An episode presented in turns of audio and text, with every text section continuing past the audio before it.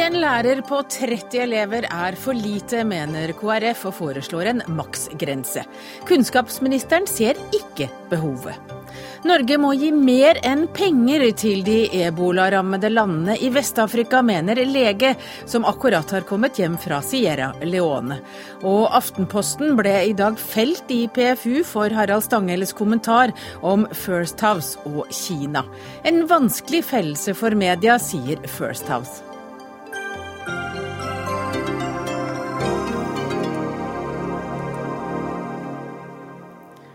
Velkommen til Dagsnytt 18. Jeg heter Hege Holm. Først i denne sendingen skal vi snakke om nattens bombing av IS-mål i Syria. For to timer siden sa USAs president Obama dette om nattens raid. Last night, on my orders, America's armed forces began strikes ISIL targets in Syria. Today, the American people give thanks for the extraordinary service of our men and women i natt startet altså de første amerikanske luftangrepene på IS på syrisk jord. Minst 20 IS-medlemmer og 30 medlemmer av Nusra-fronten skal være drept, men også tre barn. USAs allierte i nattens angrep er Saudi-Arabia, De forente arabiske emirater, Jordan, Bahrain og Qatar. Og Midtøsten-korrespondent Sigurd Falkenberg Mikkelsen, hva vet vi mer om luftangrepene i natt? Det det amerikanske militæret akkurat har sagt, er at disse angrepene kom i natt og i morgentimene i tre eh, bølger. Eh, de brukte jagerfly, droner og også eh, Tomahawk-raketter fra marinefartøy. De rammet da flere mål nord i Syria, hovedsakelig mål knyttet til islamistgruppa IS, men også en annen organisasjon, Nusra-fronten. Det er altså snakk om en tredje organisasjon her, så det er et ganske bredt angrep. Eh, og Det er jo interessant at det er eh, første gang i historien eh, USA nå bomber Syria. Det er tre og et halvt år inn i konflikten mellom de forskjellige opprørsgruppene og Bashar al-Assad. Men det er altså ikke Bashar al-Assad som er målet, slik det nesten ble for et år siden, men nå en av hans fiender. Så Det sier noe om hvor fort det skifter her i Midtøsten nå. Og Foreløpig vet vi også lite om sivile tap. Det siste jeg har hørt, er at en av disse syriske organisasjonene, eksilorganisasjonene som best overvåker dette, sier at syv sivile er meldt drept. Eh, det er i så fall lavere tall enn man kanskje kunne forvente etter en såpass eh, stor aksjon. Men altså, det er eh, fortsatt uklart akkurat hvordan sivile er blitt rammet av disse bombeangrepene. Hva slags reaksjoner har kommet på angrepet? Det kanskje mest interessante er fra Damaskus, fra syriske myndigheter. De påstår i første omgang at de ble varslet på forhånd om dette angrepet, noe amerikanerne benekter. Så sier de også litt vagt at de støtter all kamp eh, mot terror. Men det er ikke noen tvil om at de er tjent med dette, i hvert fall på kort sikt. Eh, I resten av den arabiske verden så eh, er det slik at det er så mange arabiske land som deltar, og at selv de som eventuelt skulle være litt kritiske, har toner et ganske lavt flagg her. Og IS har så mange fiender, og det er så mange som føler seg truet av gruppa. De har tross alt erklært at dette er et kalifat og det skal omfatte alle muslimer. Eh, og Det gjør jo at alle, potensielt alle statene her i Midtøsten er fiender av eh, gruppa. sånn at eh, Det er ikke noe sterk kritikk av disse angrepene offentlig, bortsett fra noe fra Iran, som det har vært ved tidligere amerikanske angrep i Midtøsten. Og Dette skal vi komme tilbake til senere i sendinga, Sigurd Falkenberg Mikkelsen. Da får vi også med oss to eksperter her i studio. Hør Dagsnytt 18 når du vil. Radio NRK.no.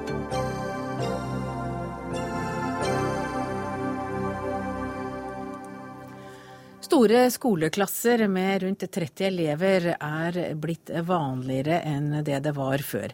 For ti år siden ble grensen på maks 28 elever i hver klasse fjernet, og ifølge Utdanningsforbundet så er det mange lærere som mener at de ikke gjør jobben sin godt nok fordi de har for mange elever i klassen. Og da er det altså mange lærere som er alene med 30 elever. Og dette vil du gjerne gjøre noe med, du KrF-leder Knut Arild Hareide. Dere kommer med et forslag. Hva er det, hvordan skal dere klare å få situasjonen snudd? Vi tror at eh, noe av det mest effektfulle vi kan gjøre, er å komme og sette inn støtet med en tidlig innsats. Og Da mener vi at i første, andre, tredje og fjerde trinn så bør normalen være at det er to lærere i hver klasse. Vil si at hvis det er en klasse med mer enn 16 eh, elever, så blir det to lærere i de trinnene. Og det er fordi at da kan vi hjelpe elevene tidlig. Vi ser at i norsk skole i dag så er det sånn at det er mange som Altså spesialundervisninga øker og øker jo eldre elevene blir. I Finland så er det motsatt. Eh, vi ser òg at læreren lærerne opplever Men er det fordi at det er for få lærere per elev? Det er en av grunnene til det. At det blir ikke nok tid for lærerne til den hver eh, enkelt elev til å gi god lese- og skriveopplæring. Og dette sier òg lærerne sjøl. Tre av fire sier at de får ikke god nok tid med elevene. Ja, Det kan vi vel bare regne ut. En 45 minutters time og 30 elever, så blir det ikke mange minutter per elev hvis de holder på med individuelt arbeid. Men du er ikke helt enig i at dette er et problem, du kunnskapsminister Torbjørn Røe Isaksen? Det kan være et problem hvis man f.eks. bruke klassestørrelse for å spare penger, eller hvis man hadde sagt noe sted at eh, nå har vi 45 elever i klassen og én lærer bestandig.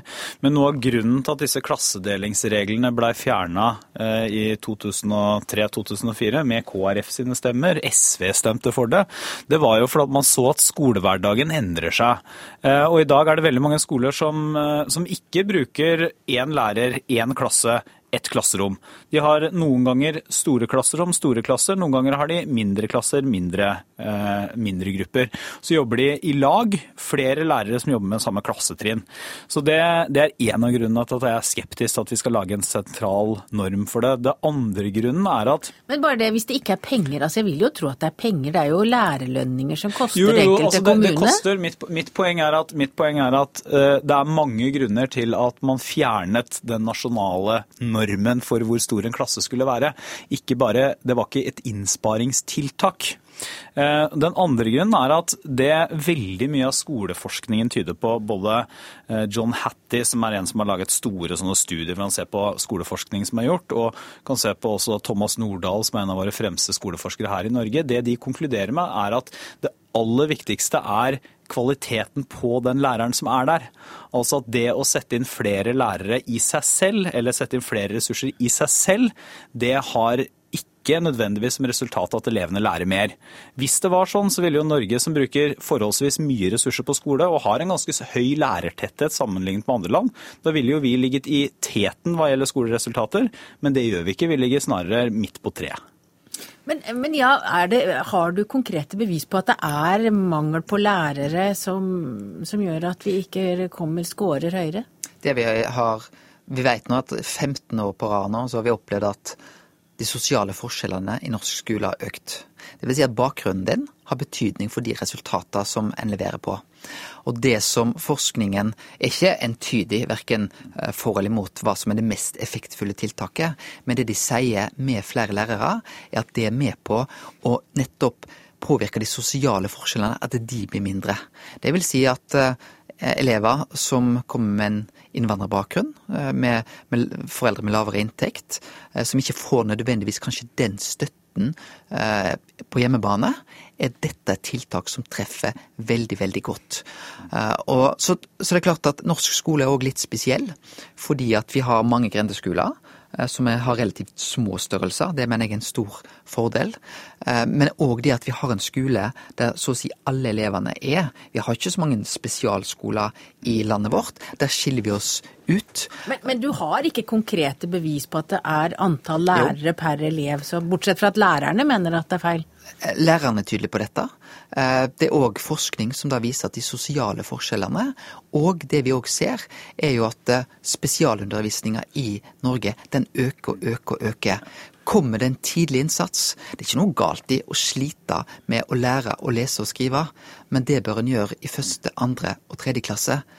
Men du mener kanskje læreren ikke oppdager at elevene ikke klarer å lese og skrive ordentlig, for det er så mange av dem? jeg det tror iallfall at det er litt for mye en vente-og-se-holdning i norsk skole i dag. Det tar for lang tid før du får sett inn støtet på ressurser. Og istedenfor da på en måte å ha en kraftig innsats de første klassetrinnene, så får mange spesialundervisning på elementær lese- og skriveregning på ungdomsskolen. Det, er, det, har vært gjort noe forskning som, som, viser at for en del av de aller svakeste elevene, så har det en effekt å sette inn og ha ekstra lærere. Men samtidig så viser det seg at sammenlignet med hvor mye ressurser det tar, Eh, og hva slags resultater du får igjen, så er det andre ting som f.eks. dreier seg om videreutdanning, styrke klasseledelsen, styrke samarbeidet på skolen, som er enda viktigere for å fange opp de svakeste elevene. Eh, og det vi diskuterer nå, for jeg synes det er litt viktig, viktig å skille to ting. Altså, det, er jo ikke sånn at det er uvesentlig hvor mange lærere du har på en skole. Så man må, jo ikke tro at, eh, ikke tro at det er sånn at hvis du har 50 elever i en klasse og én lærer, så får, er det null problem å håndtere det. Men det vi diskuterer er jo uh, det forskningen tyder på, det er at opp til et visst punkt så spiller ressurser en rolle. Over det punktet så er det andre ting som også koster penger, men som ikke først og fremst handler om flere ressurser, som spiller inn. Men, men forslaget til KrF, vil det ødelegge fleksibiliteten i den skolen du ønsker? Jeg, jeg, først og fremst så mener jeg at eh, de satsingene som regjeringa har eh, lagt fram, og som KrF har støttet på videreutdanning, faglig påfyll, jeg mener at det er enda viktigere. Tidenes videreutdanningsløft for å gjøre gode lærere enda bedre. Jeg mener at det er et bedre investering for å nå de svakeste elevene. Og så er jeg nok redd for at hvis du i praksis, hvis man innførte en norm fra fra Oslo som skulle gjelde på alle skolene, så ville jo det i praksis for det første betydde at vi måtte satse aller mest på de store byene, for det er der ofte klassene er størst. Så det ville bety at ressursene gikk til de store byene. Men så vil det også kunne bety at man ja, Si en by som er eh, delt, da, hvor du har noen skoler f.eks. øst i byen som trenger ekstra ressurser og har det, men noen skoler vest i byen som ikke trenger ekstra ressurser. For å oppnå en sånn nasjonal norm, så vil de jo da bare kunne flytte ressurser fra de skolene som har litt ekstra fordi de trenger ekstra, og putte det inn på andre skoler. Da vil du ikke få flere lærerårsverk, du får neppe utjevnet forskjeller, men du vil kanskje nå en nasjonal norm. Det er mye snakk om ressurser her, eh, Knut Arild Hareide. Har, altså, har, du noen eh, kroner på lomma du kan dra fram med forslaget ditt? Det, det vil koste noe penger, dette. Eh, opp mot 1 milliard. Det vil trenge òg 1200-1500 nye lærere, men jeg tror det er en investering som er veldig klok. Eh, så gjorde jo vi et vedtak, eh, vi går tilbake til 2002, eh, der vi oppheva gruppestørrelsene. Hva har vi opplevd siden den gang? Jo, det er at gruppestørrelsen i norsk skole har blitt større og større og større. Og vi opplever at de sosiale forskjellene har blitt større og større. Og da er dette et forslag som går rett inn i kjernen av den problemstillingen.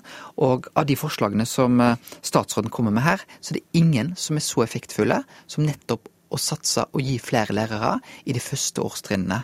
Og dette er òg eh, noe som lærerne mener er meget effektfullt. Og så tror jeg òg at eh, vi har i dag veldig mange lærere som er utenfor yrket, som altså valgt å ikke være lærere.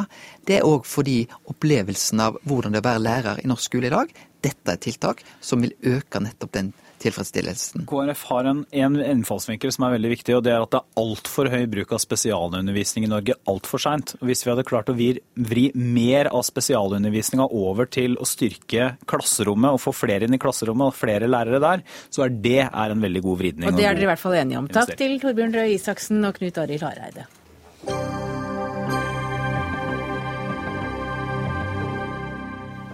I dag ble Aftenposten felt i pressens faglige utvalg, og fellelsen gjaldt saken om Harald Stanghelles kommentar om First House og tilknytning til Kina. Aftenposten ble felt for å trykke kommentaren uten at First House fikk svare for Stanghelles påstand om at de jobbet på oppdrag fra kinesere som ville sverte Nobelkomiteen. Og Alf Bjarne Johnsen, du er leder i Pressens faglige utvalg. Nå sitter du her og blar i fellelsen. Eh, nå må du forklare oss, hva er det den fellelsen innebærer? Aftenposten skrev jo denne kommentaren om First House, hvor de eh, kom med en sterk eh, påstand. Eh, et utsagn om at eh, First House leid inn, var leid inn av kinesiske interesser til kampanjen mot Torbjørn Jagland og Nobelkomiteen. Eh, den, på, den, ble påklaga av First House. Eh, som mente den lå utafor presseetikken. Etter en lang og god diskusjon i dag, som alle kan gå tilbake og se, hvor det var ganske mye Det var en spennende diskusjon, det var mange syn i utvalget. Så falt utvalget ned på at uh, vi måtte legge til grunn at denne sterke påstanden fra Aftenpostens side var sann og dokumenterbar og riktig, og tok det som utgangspunkt. Det, Aftenposten hadde gode grunner til å trykke den opplysninga om at kinesiske interesser hadde leid inn First House. Det Aftenposten derimot ble felt på, det var at denne påstanden tatt med som et faktum eh, inn i avisen utløser da det vi i eh, pressen og i Vær kaller for den samtidige imøtegåelsesretten. Og Det betyr at First House skulle fått anledning til å kommentere den, eh, bekrefte den, benekte den, eventuelt si ingen kommentar i samme utgave. Ja, så Det du sier er at Aftenposten skulle ringt First House og bedt om kommentar. Lage, De skulle laget en nyhetssak ut av det før kommentaren til Stanghelle kom på trykk? Det kunne de gjort. Stanghelle kunne selv ringt First House og fletta det inn i kommentaren. Det finnes mange måter å gjøre det på, men, men poenget vårt er i hvert fall at denne, denne påstanden eller dette faktum er av en sånn hva skal jeg si, sensasjonell karakter. da. For det var jo sånn den ble oppfatta den kvelden Aftenposten publiserte dette. At House skulle få anledning til å kommentere den, eventuelt imøtegå den øh, ved samme anledning. Aftenposten ble jo ikke felt for kildeutvalget sitt, eh, selv om eh, det var mye diskusjon rundt eh, det Harald Stanghelle skrev, nemlig at skal vi se, For ikke å gjøre det gode og ubekreftede rykter var den kildehenvisningen han hadde. Men det anså ikke dere altså for å, for å være feil? Vi oppfatter at Aftenposten har tatt et steg tilbake når det gjelder dette spørsmålet om rykte. De har problematisert det og skrevet at de kanskje burde brukt eh, en kildebenevning isteden. Og de har også i korrespondansen med, med, utvalget skrevet at de har én, men veldig god kilde for denne opplysninga.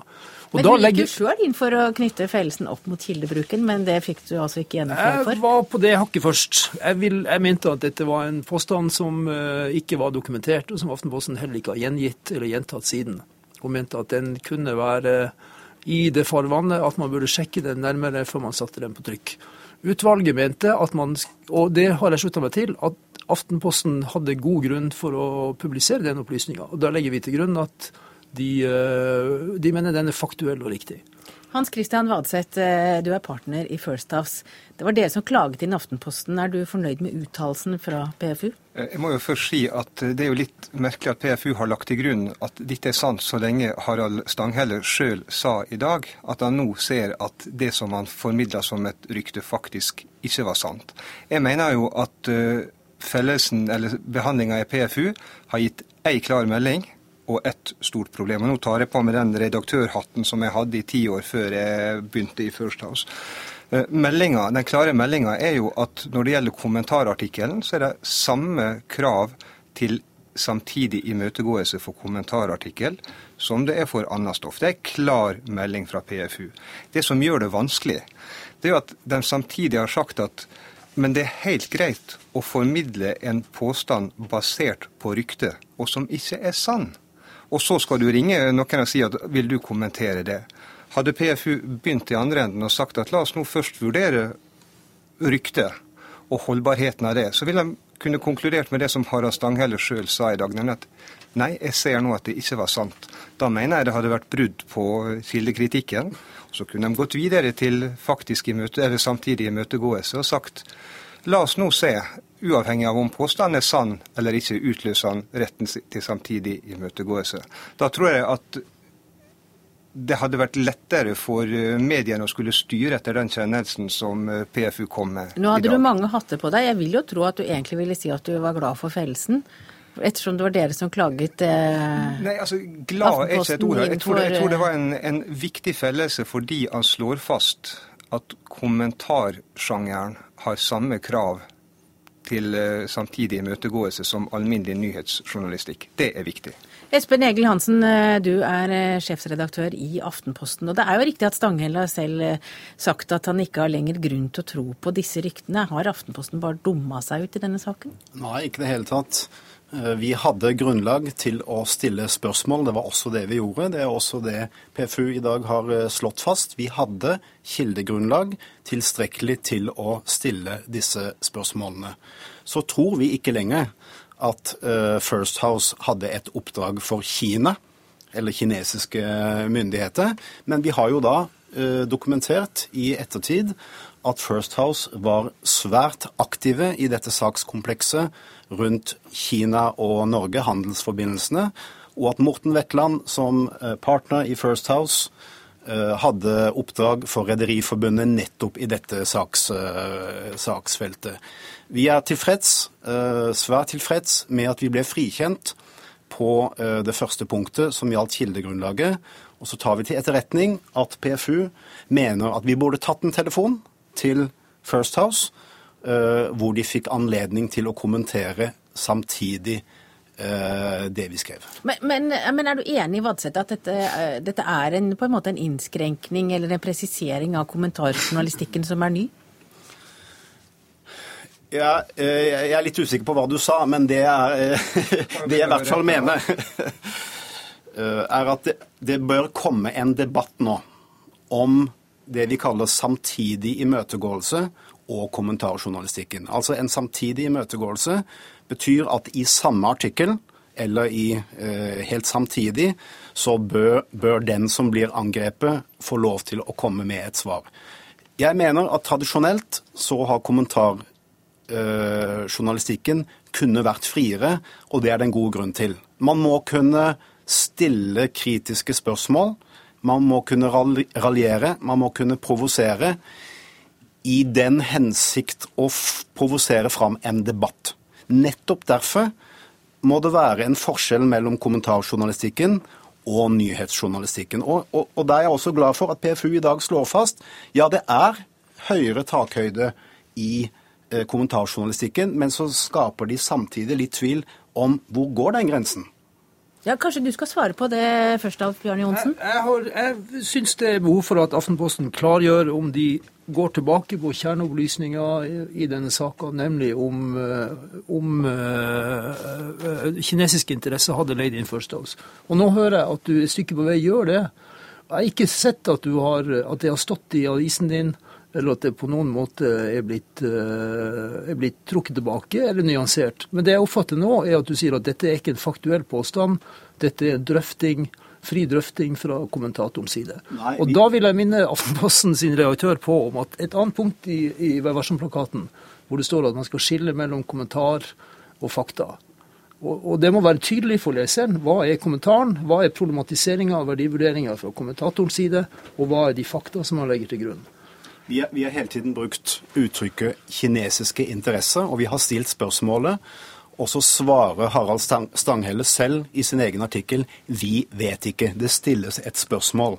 Så har vi sagt underveis, og Stanghelle har gjentatt i dag, at i den grad det ble oppfattet som at det var kinesiske myndigheter, så, så tror vi ikke det. Men at det er eh, interesse i, eh, med, som, som har en interesse av Eh, bedre handelsforbindelse med Kina, det er nå godt dokumentert. Altså, det å formidle usannheter blir ikke bedre at du sier etterpå at vi vet ikke om det er riktig. Det er omtrent som å si at, at et godt, men ubekrefta rykte sier at den eh, norske statsministeren har et alkoholproblem. Ikke vet det, jeg bare formidler det. Det er jo, altså, Usannheter og rykter kan vanskelig bli grunnlag for journalistikk. Det er i hvert fall min erfaring som journalist og redaktør i mange år. Det som i tillegg eh, jeg mener er, er utfordrende her, eh, det er jo det faktum at Stanghelle først nå sier at ja, det var feil det jeg skrev.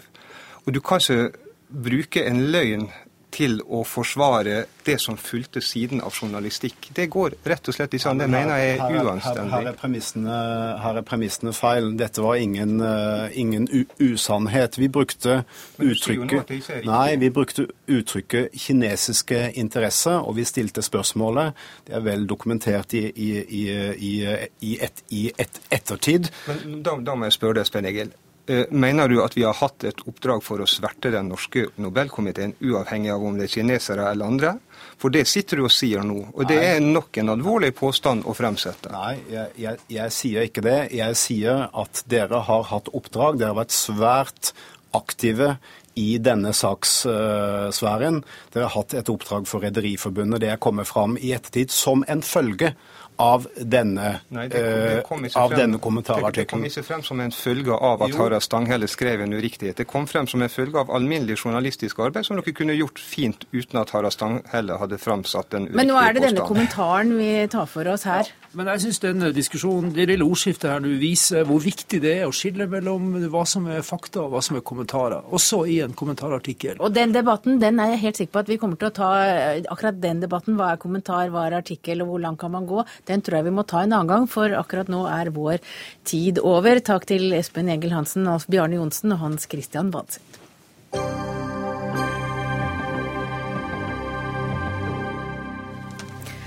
Vi skal tilbake til situasjonen i Syria. For som vi snakket om i starten av sendingen, eh, bombet altså i natt eh, amerikanske eh, luftvåpen eh, angrep på IS på syrisk jord, og det var første gang.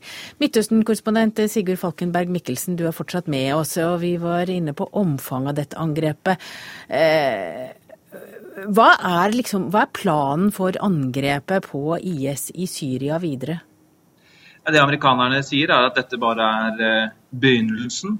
Eh, de er klare til å fortsette med dette så lenge det behøves. og Jeg tror også amerikanerne vet at det ikke finnes noen tydelig slutt på dette. og Det er med, med på å gjøre dette både farlig, men også veldig komplisert. For nå er Obama i gang med en eh, krig i Midtøsten som han ikke vet hvordan han skal ende, og heller ikke hvilke langsiktige konsekvenser eh, den får.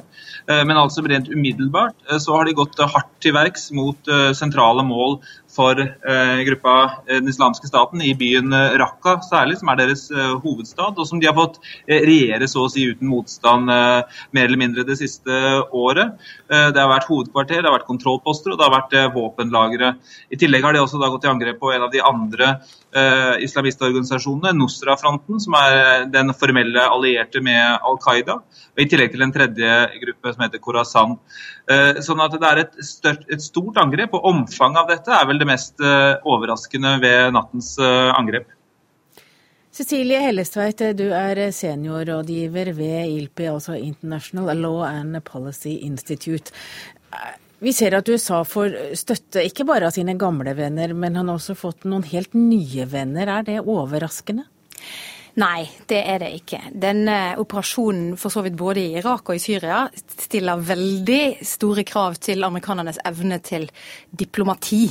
Og til å balansere mellom veldig ulike stater og deres eh, interne konflikter eh, seg imellom.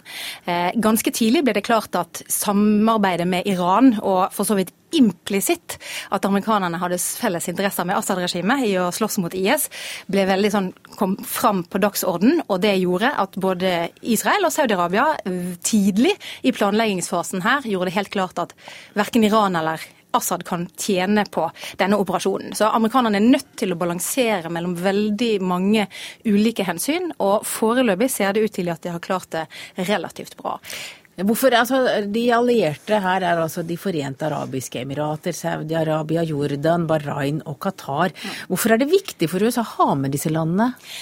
Av flere grunner. Eh, for det første så er det slik at å slåss mot IS i Syria og Irak er ensbetydende til en viss grad å slåss mot områder som først og fremst er bos, altså hvor det først og fremst bor sunnimuslimske arabere. Og Da ønsker man ikke å få det til å fremstå som om det er tyrkerne og amerikanerne, eller Iran og amerikanerne, eller Assad og amerikanerne som på en måte slåss mot disse. Det er veldig viktig å ha en bred deltakelse hos andre sunnimuslimske arabiske land.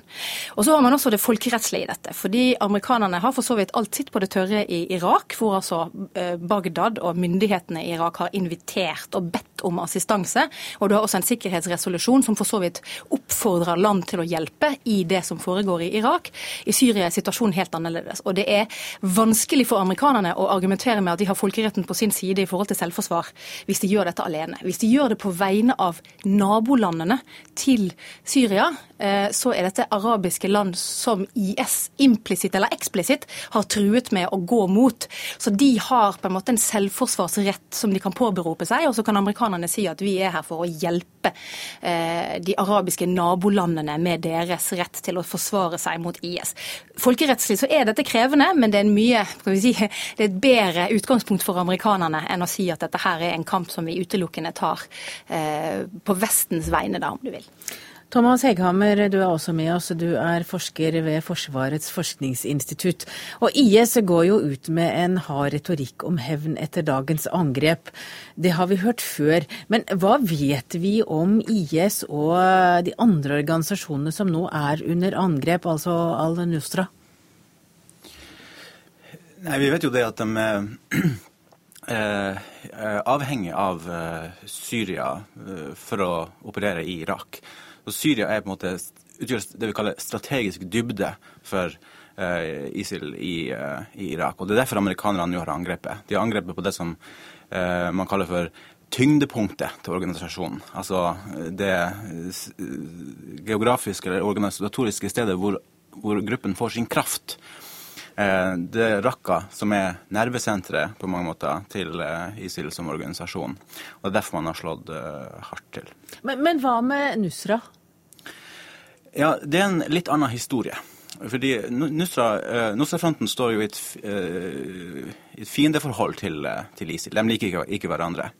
Eh, men eh, eh, Nusra-fronten er også fiendtlig innstilt mot USA. Og de er jo organisatorisk tilknytta det sentrale Al Qaida, som jo har ført krig mot USA i over ti år nå. Og man har bomba Nusra-fronten fordi man har frykta at, at, en del av organisasjonen, at det har vært en celle som, som blir omtalt som Khorasan-gruppen, skal ha planlagt større aksjoner mot Vesten. Er omfanget av angrepet overraskende? Ja, jeg syns det er litt overraskende. Eh, fordi eh, pga. de folkerettslige eh, kan si, problemene som var i utgangspunktet, så hadde det var en del av oss som kanskje ikke hadde forventa at de skulle slå så kraftig til. Og man kan si det at nå er det ingen vei tilbake. Nå har man kasta stein på vepsebolet. Og hva blir det neste Nei, Det er for så vidt riktig dette med det, det folkerettslige, eh, men det faktum at de også går til angrep mot andre grupper som har en mer direkte tilknytning til Al Qaida, gjør at amerikanerne da påberoper seg den klassiske hjemmelen som de bruker for sine operasjoner i, i forskjellige land, som eh, i Jemen og Somalia osv. Og, og, og den er for så vidt, Det er mange land som bestrider amerikanernes rett til å gjøre det, men det er en del av et større bilde. Mens de har foreløpig ikke gått ut og vært helt spesifikke på hva slags hjemmel de bruker i forhold til eh, ISIL. Og Det kommer vi nok til å se over de neste dagene bli klarere. Og Det vil nok også avhenge litt av hvordan russerne velger å stille seg til dette, og hva Assad selv velger å gjøre retorisk, og hvordan araberlandene følger opp det de har startet. Hva sier Assad? Altså For et år siden så var det han de vurderte å gå til angrep mot?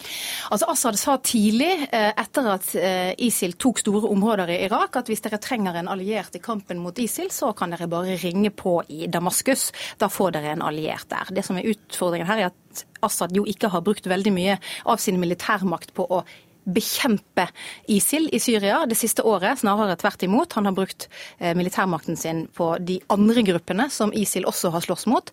Og Det gjør at eh, man nå er i en situasjon hvor man kan enten velge å si at vi tar imot en invitasjon fra Damaskus, men da vil da det internasjonale samfunnet ta Assad inn i varmen igjen og hjelpe han med å få kontroll over hele det syriske territorium. Og det er det mange andre land i Midtøsten som ikke ønsker. Men, men Også, hva er målet for eh, det vi ser nå? For alle sier at eh, luftangrep er ikke nok, du må på bakken. Du snakker om politisk løsning. Mm. Ja, du kan starte, du helt du er jo i gang. Nei, altså det er klart Du må ha eh, noe som kan erstatte det som man eventuelt driver ut eh, hvis eh, man driver ISIL fra de områdene som de nå kontrollerer. Og Det er det som er kanskje problemet med den løsningen som velges nå. Man går såpass bredt ut med en koalisjon eh, helt spesifikt som har med seg araberland, men man på en måte har en utstrakt hånd til de andre aktørene i regionen. Og Når man skal begynne å diskutere hva som skal skje på bakken etter at IS eventuelt har blitt svekket, det er jo litt av den politiske nøtta som, som Syria bl.a. har vært fra dag én. Altså Utfordringen her er jo det at eh, når man nå slår hardt til mot Raqqa eh, og måtte erklære full krig mot IS, det er det at man, nå har man ikke lenger noen sånn nødutgang fra denne militære operasjonen. Eh, før eh, i går så kunne man kanskje tenke seg at eh, man kjørte en operasjon i Irak. Eh, og hjalp det irakiske regimet å få kontroll over territoriet, men, men, men, på en måte stoppa ved den syriske eh, grensen. Eh, sånn at man kunne få en begrensa operasjon. Det tror jeg er mindre sannsynlig nå, fordi nå kommer IS til å starte å planlegge flere aksjoner i, i Vesten mot USA. Og det her eh, da, vil, vil Nordøst-Syria bli eh, en sånn eh, fristed for folk som planlegger aksjoner i Vesten. og Det blir veldig vanskelig for USA måtte, å la, la, være i fred.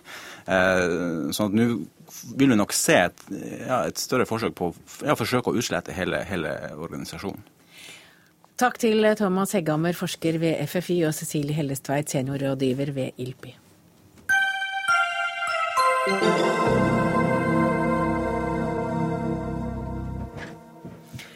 Over hele landet har bl.a. bussjåfører og sykepleiere i dag demonstrert mot regjeringens forslag til ny arbeidsmiljølov.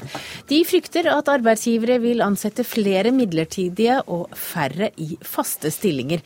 Og LO-nestleder Tor Arne Solbakken, eh, hva, hvorfor går medlemmene, bl.a. dine, i demonstrasjonstog i dag? Det er fordi at regjeringa har sendt ut en rekke forslag til endringer i arbeidsmiljøloven som svekker de ansattes rettigheter og som eh, flytter eh, makt og forskyver maktbalansen mellom eh, ansatte og tillitsvalgte og sjefen og ledelsen. Og Det blir det reagert på på arbeidsplasser over hele landet. og Derfor så har grasrota i dag aksjonert mot de forslagene. Det er et engasjement som er, må være forståelig i forhold til de forslagene som regjeringa nå har lagt fram. Og Det forslaget som vel har vakt mest harme, det er at det skal være enklere å ansette folk midlertidig. Hvorfor er det så farlig? Det er farlig fordi at et arbeidsmarked som baserer seg på midlertidige ansettelser, det er et mer utrygt arbeidsmarked. Og de som er midlertidig tilsatt, de har jo også da ikke bare større utrygghet, de har lavere lønn og de har større muligheter for å komme i, i problemer knytta til helse, miljø og sikkerhet. Det har vi, All forskning viser det. Og I tillegg så er det jo sånn at det er også likestillingsfiendtlig, for det er i stor grad kvinner som blir midlertidig ansatt. Og eh, OECD har jo fulgt dette i 20 land over mange år. Og de eh, viser helt klart at eh, det blir ikke flere faste stillinger. Det blir ikke flere stillinger. Det blir bare flere midlertidige av denne politikken. Vi har et sunt system der det er forholdsvis greit å komme seg fra midlertidighet og inn i fast stilling. Det systemet vi har, det vil altså regjeringa rive ned. Det reagerer våre medlemmer på. Nå skal regjeringa få svare, for vi har regjeringen her ved Robert Eriksson, arbeids- og sosialminister. Du, du velger en litt annen inngang i dag i VG, for der sammenligner du midlertidig ansatte med denne superfotballspilleren Mats Møller Dæhlie. Eh, en litt snurrig sammenligning kanskje, men forklar hva har han med midlertidig ansatte å gjøre? Poenget mitt er det at det er veldig mange i dag som ikke er en del av arbeidslivet. Jeg møter mange, bl.a. innvandrere, som aldri får oppleve å komme til et intervju engang. Mange mennesker som sitter, og ungdommer med langtidsledighet, mange sitter med et godt talent. De ønsker å vise fram talentet sitt og komme seg inn i arbeidslivet. Jeg ønsker et arbeidsliv som er trygt, men fleksibelt, som åpner opp for at flere skal få muligheten til å prøve seg fram i arbeidslivet for å komme seg inn i faste, gode stillinger. Vi ønsker ikke noe hovedregel der det skal være midlertidige ansettelser. Hovedregelen i norsk arbeidsliv er faste ansettelser. Hovedregelen også med regjeringas politikk vil i framtida være faste ansettelser. Så Det må man slutte å bruke som en sånn skremselspropaganda med at man nå går over fra fast til midlertidige stillinger. Det er tull og tøys, og det vet alle sammen. Det som vi ønsker er rett og slett å skape en god arena for at folk skal få vist seg fram i arbeidslivet. Ser vi på for... Da får de ikke det i dag. Nei, I dag er det altfor mange som står utafor. Men er det pga. arbeidsmiljøloven? Det er mange bedrifter tar ikke, ser det er vanskelig å, å ta den risikoen som skal til for å ansette. Jeg har sjøl starta bedrift, sjøl vært arbeidsgiver. Eh, ansatt fire stykker. Det som var kjempeviktig for meg, det var å sørge for at jeg hadde gode, faste stillinger til de fire ansatte som jeg ansatte. De skulle ha sitt levebrød hos meg. De skulle forsørge familien sin og ha en trygg arbeidshverdag. Så var vi usikre når vi starta opp på hvordan vi skulle klare å, å, å ekspandere. Altså, hvordan vil markedet ta imot våre produkter? Trengte jeg én, to eller tre flere ansatte? Det var en, eh, Og vi sto med én. Eh, og turte å ta det.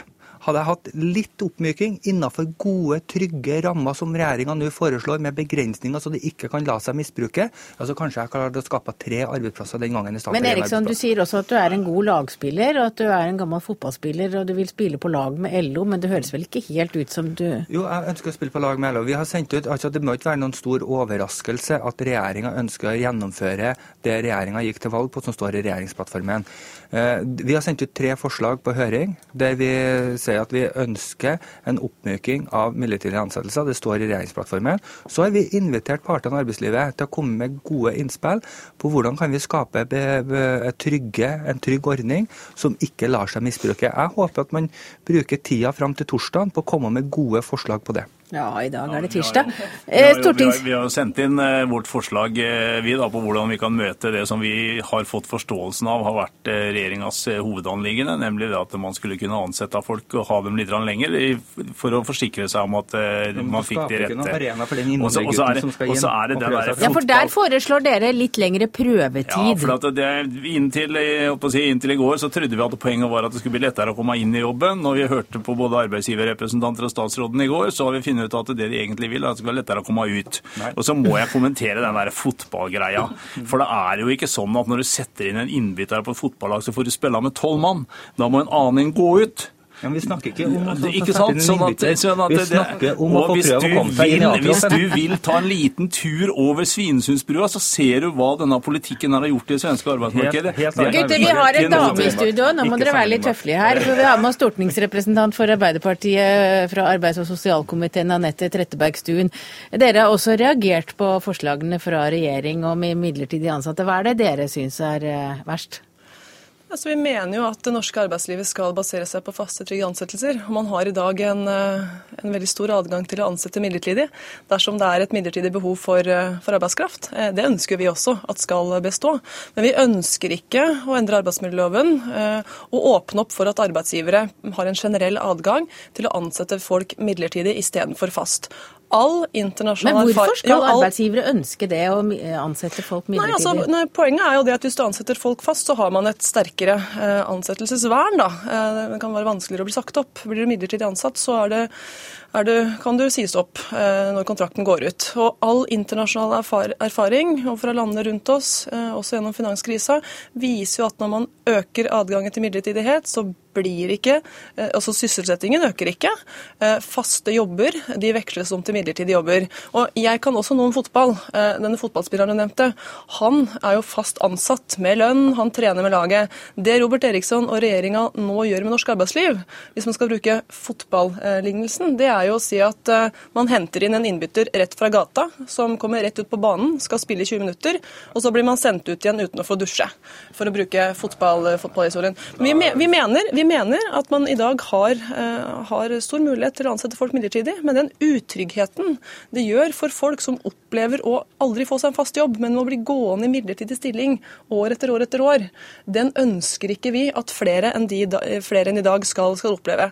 Og de unge og de funksjonshemmede som regjeringen her hevder at de spiller på lag med, de har jo også vært med i dag sammen med tusenvis av andre i flere byer i hele Norge og protestert mot regjeringas forslag. De vil ha seg frabedt å blir tatt til inntekt for det synet som regjeringa har. De ønsker ikke dårligere stillingsvern enn alle oss andre. De ønsker å være en del av det vanlige eh, arbeidslivet og ha like faste og trygge rammer som det vi har. Jo, men Et av de store problemene er at vi har 650 000 mennesker som står utenfor arbeidslivet. Mange av dem eh, ønsker seg inn i arbeidslivet, mange av dem kommer ikke inn i arbeidslivet. Da er jeg opptatt av å skape en arena som gjør at flere av dem får lov til å Men blir det flere arbeidsplasser? Ja, målet, målet til meg og regjeringa er at vi skal skape flere arbeidsplasser. Og så syns jeg det blir litt sånn meningsløst å sammenligne med arbeidsmarkedet i bl.a. Europa. Vi har et helt annet arbeidsmarked i Norge enn hva vi har i Europa. Det er en helt annen eh, type eh, lover og og, og kultur der enn hva vi har i Norge. Vi i regjeringa har sagt at vi ønsker å beholde arbeidsmiljøloven som en trygg vernelov. Det skal være trygge, faste ansettelser som hovedregel. Og så ønsker vi å skape den arenaen som er nødvendig for at flere skal få prøve seg inn i arbeidslivet. Og så det, blir det feil vet du, å sammenligne. For det, det, altså man avslører at man kan ikke mye om fotball her. Hvis du skal klare å få den faste kontrakten, klare å komme på det laget, så starter det med prøvespill. Du må ut på treningsfeltet og prøve deg fram for at klubben vil signere deg. Når du har blitt signert, så har du fast. Jeg ønsker samme system i norsk arbeidsliv. Og vi har seks måneders prøvetid i Norge i dag, og det er tilstrekkelig med tid til å teste ut arbeidskraft. Vi trenger ikke å øke den perioden. Nei, men derfor jeg mener at når Hvis Robert Eriksson var opptatt av å lytte til partene i arbeidslivet, og opptatt av å finne løsninger, så burde han tatt imot LO eh, sin utstrakte hånd, som i dag kom med et forslag til nettopp det. Men poenget her er jo at når du sier at hvis man åpner opp for flere midlertidige ansettelser, ja, så, så er det jo bare én ting som skjer. Flere blir midlertidig ansatt. Det blir ikke flere faste jobber av det. Og de gruppene du her skyver foran deg, de er imot dette. Og de har, og de har demonstrert de har demonstrert over hele landet i hele dag. De ønsker ikke dette her. OECD-rapporten som dere viser til. Jo, men OECD-rapporten Og her er det litt to mot én, og lenger kommer vi ikke. I denne debatten kommer vi ikke lenger i kveld. Takk til Robert Eriksson, Anette Trettebergstuen og Tor Arne Solbakken. Dagsnytt 18 alle hverdager klokka 18. På NRK P2 og NRK2.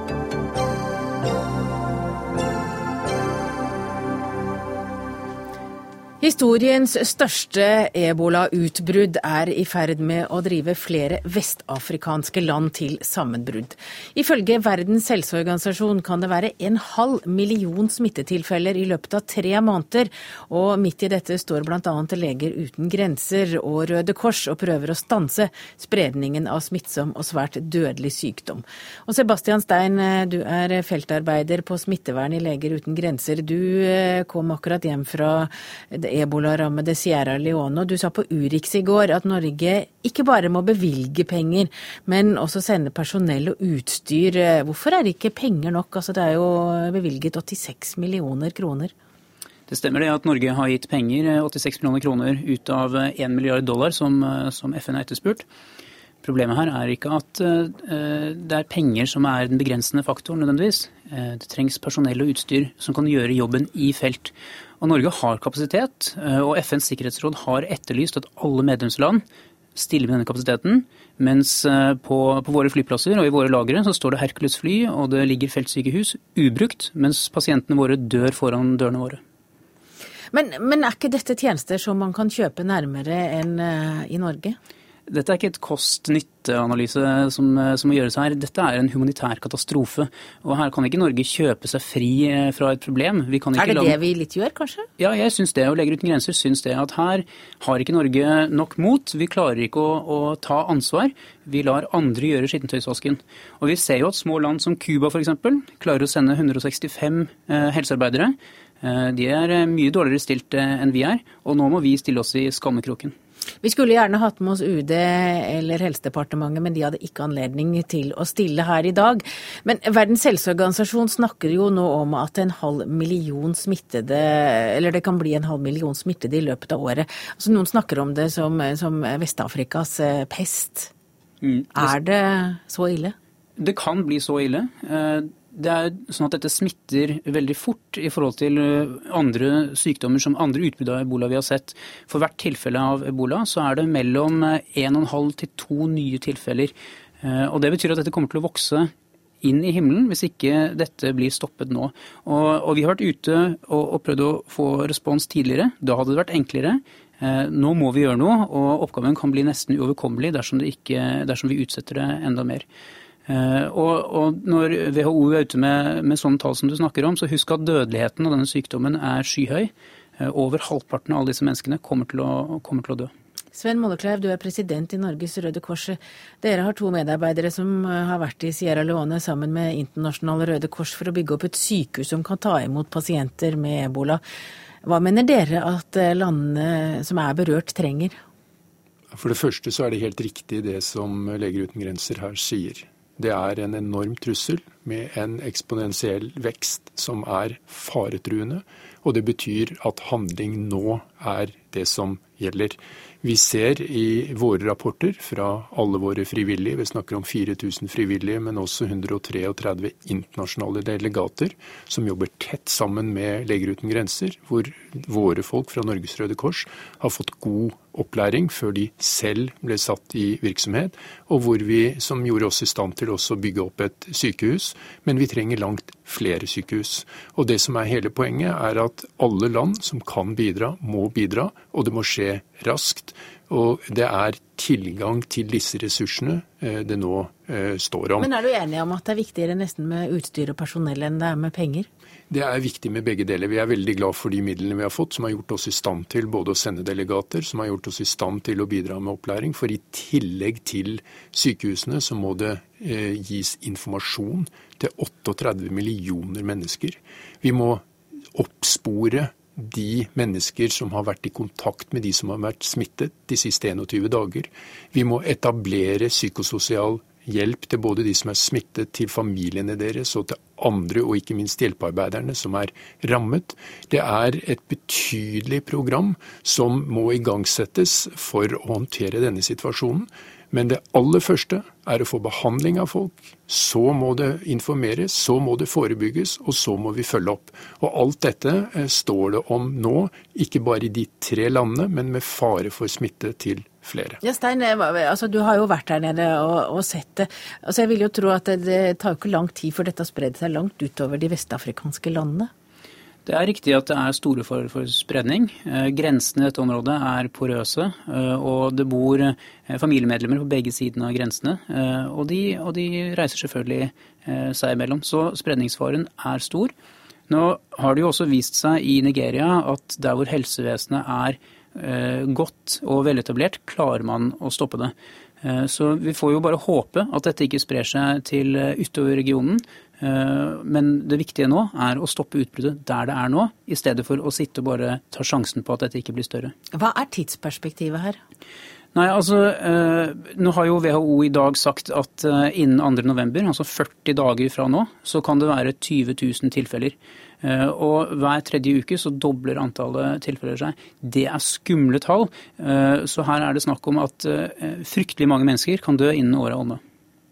I tillegg så må vi være klar over at det lammer og rammer hele samfunn. Eh, det gjør også sitt til at eh, helsestellet for folk som rammes av malaria, folk som rammes av eh, andre typer sykdommer, også blir rammet ved at man, denne frykten og denne usikkerheten og behovet for behandling av ebola. Så dette henger sammen. Men nå må jeg spørre et spørsmål som sikkert dere som driver med den slags syns er helt sånn som dere ikke svarer på. Men altså, er det vanskelig å rekruttere hjelpearbeidere til å gå inn i ebolarammede områder? Altså, det er jo veldig smittsomt, og det er veldig, og det er veldig høy dødelighet. Mm. Det er riktig at det er veldig høy dødelighet. Eh, det er ikke helt riktig at det er veldig smittsomt. Eh, så lenge du vet hvordan du skal te deg, så kan man unngå denne smitten.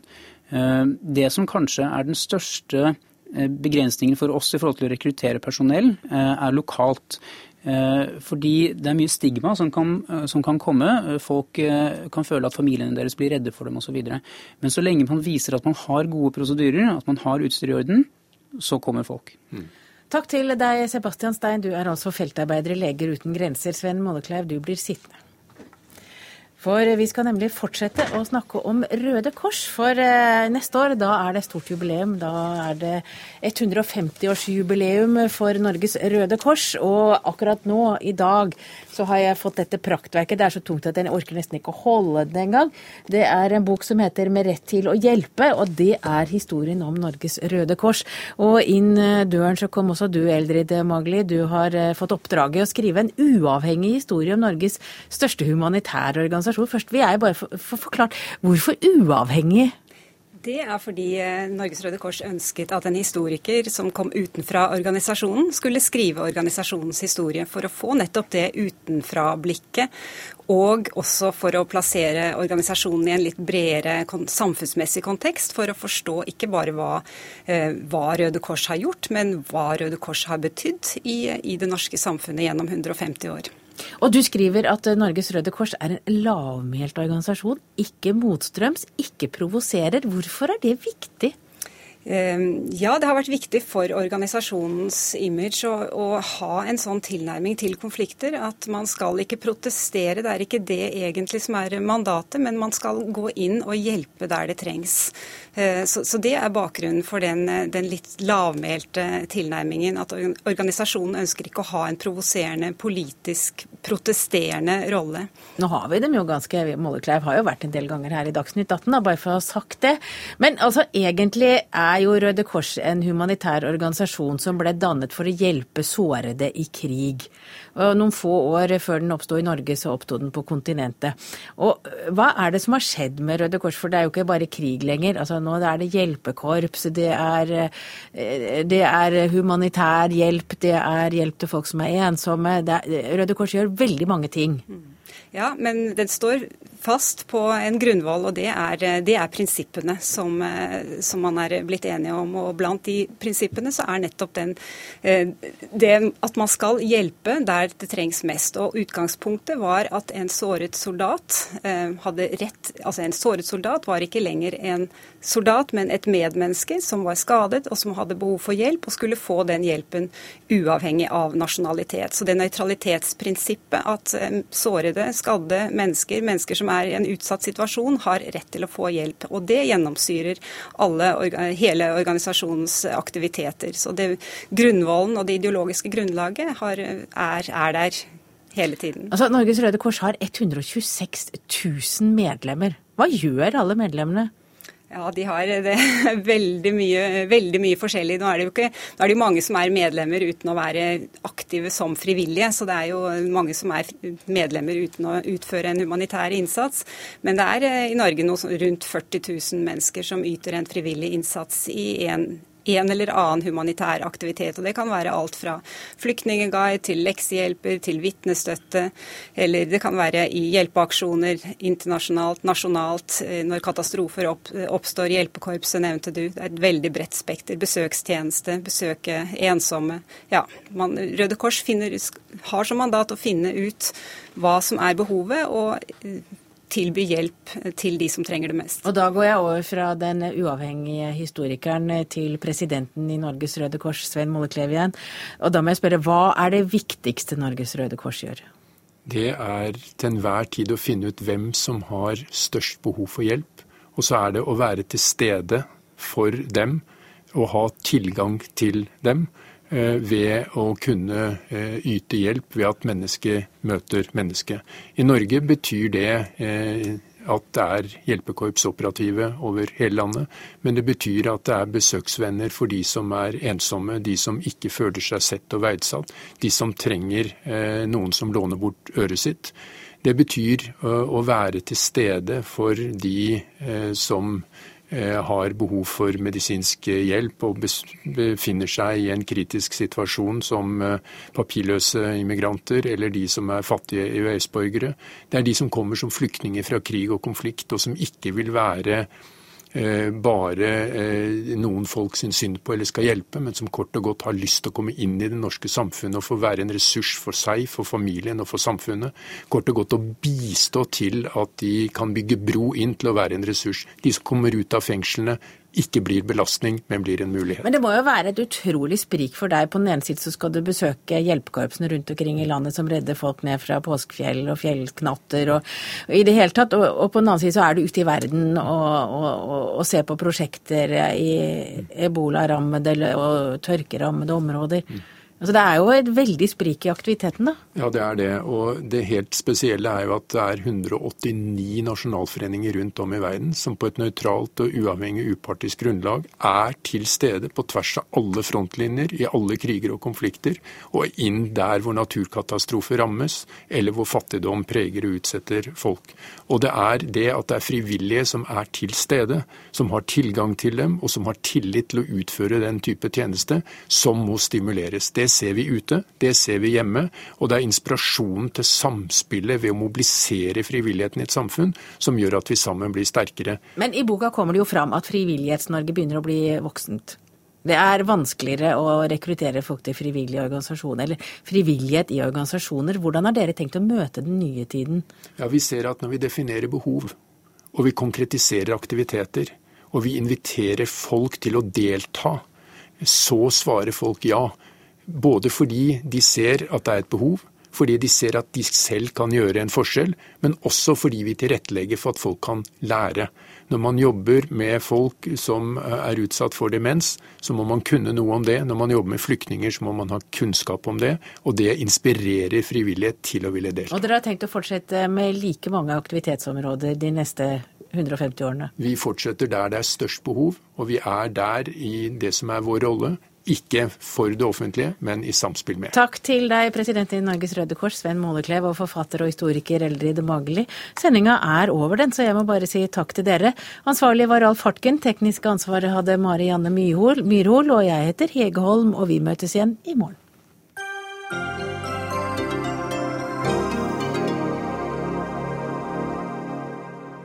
Hør flere podkaster på nrk.no podkast.